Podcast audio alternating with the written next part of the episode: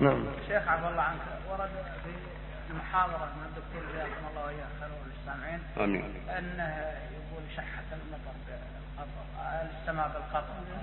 هذه عبارات جارية على ألسنة الناس لو قال عدم نزول المطر لو قال إن الله جل وعلا قد يحبس المطر ولا سواء ما عندها خبر لكن تعبير اعتاده بعض الناس.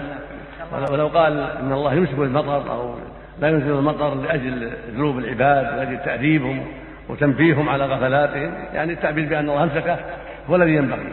حتى لا يظن ظان أن السماء عندها شيء من التصرف. السماء مخلوقة مثل الأرض. ليس لديها تصرف في شيء.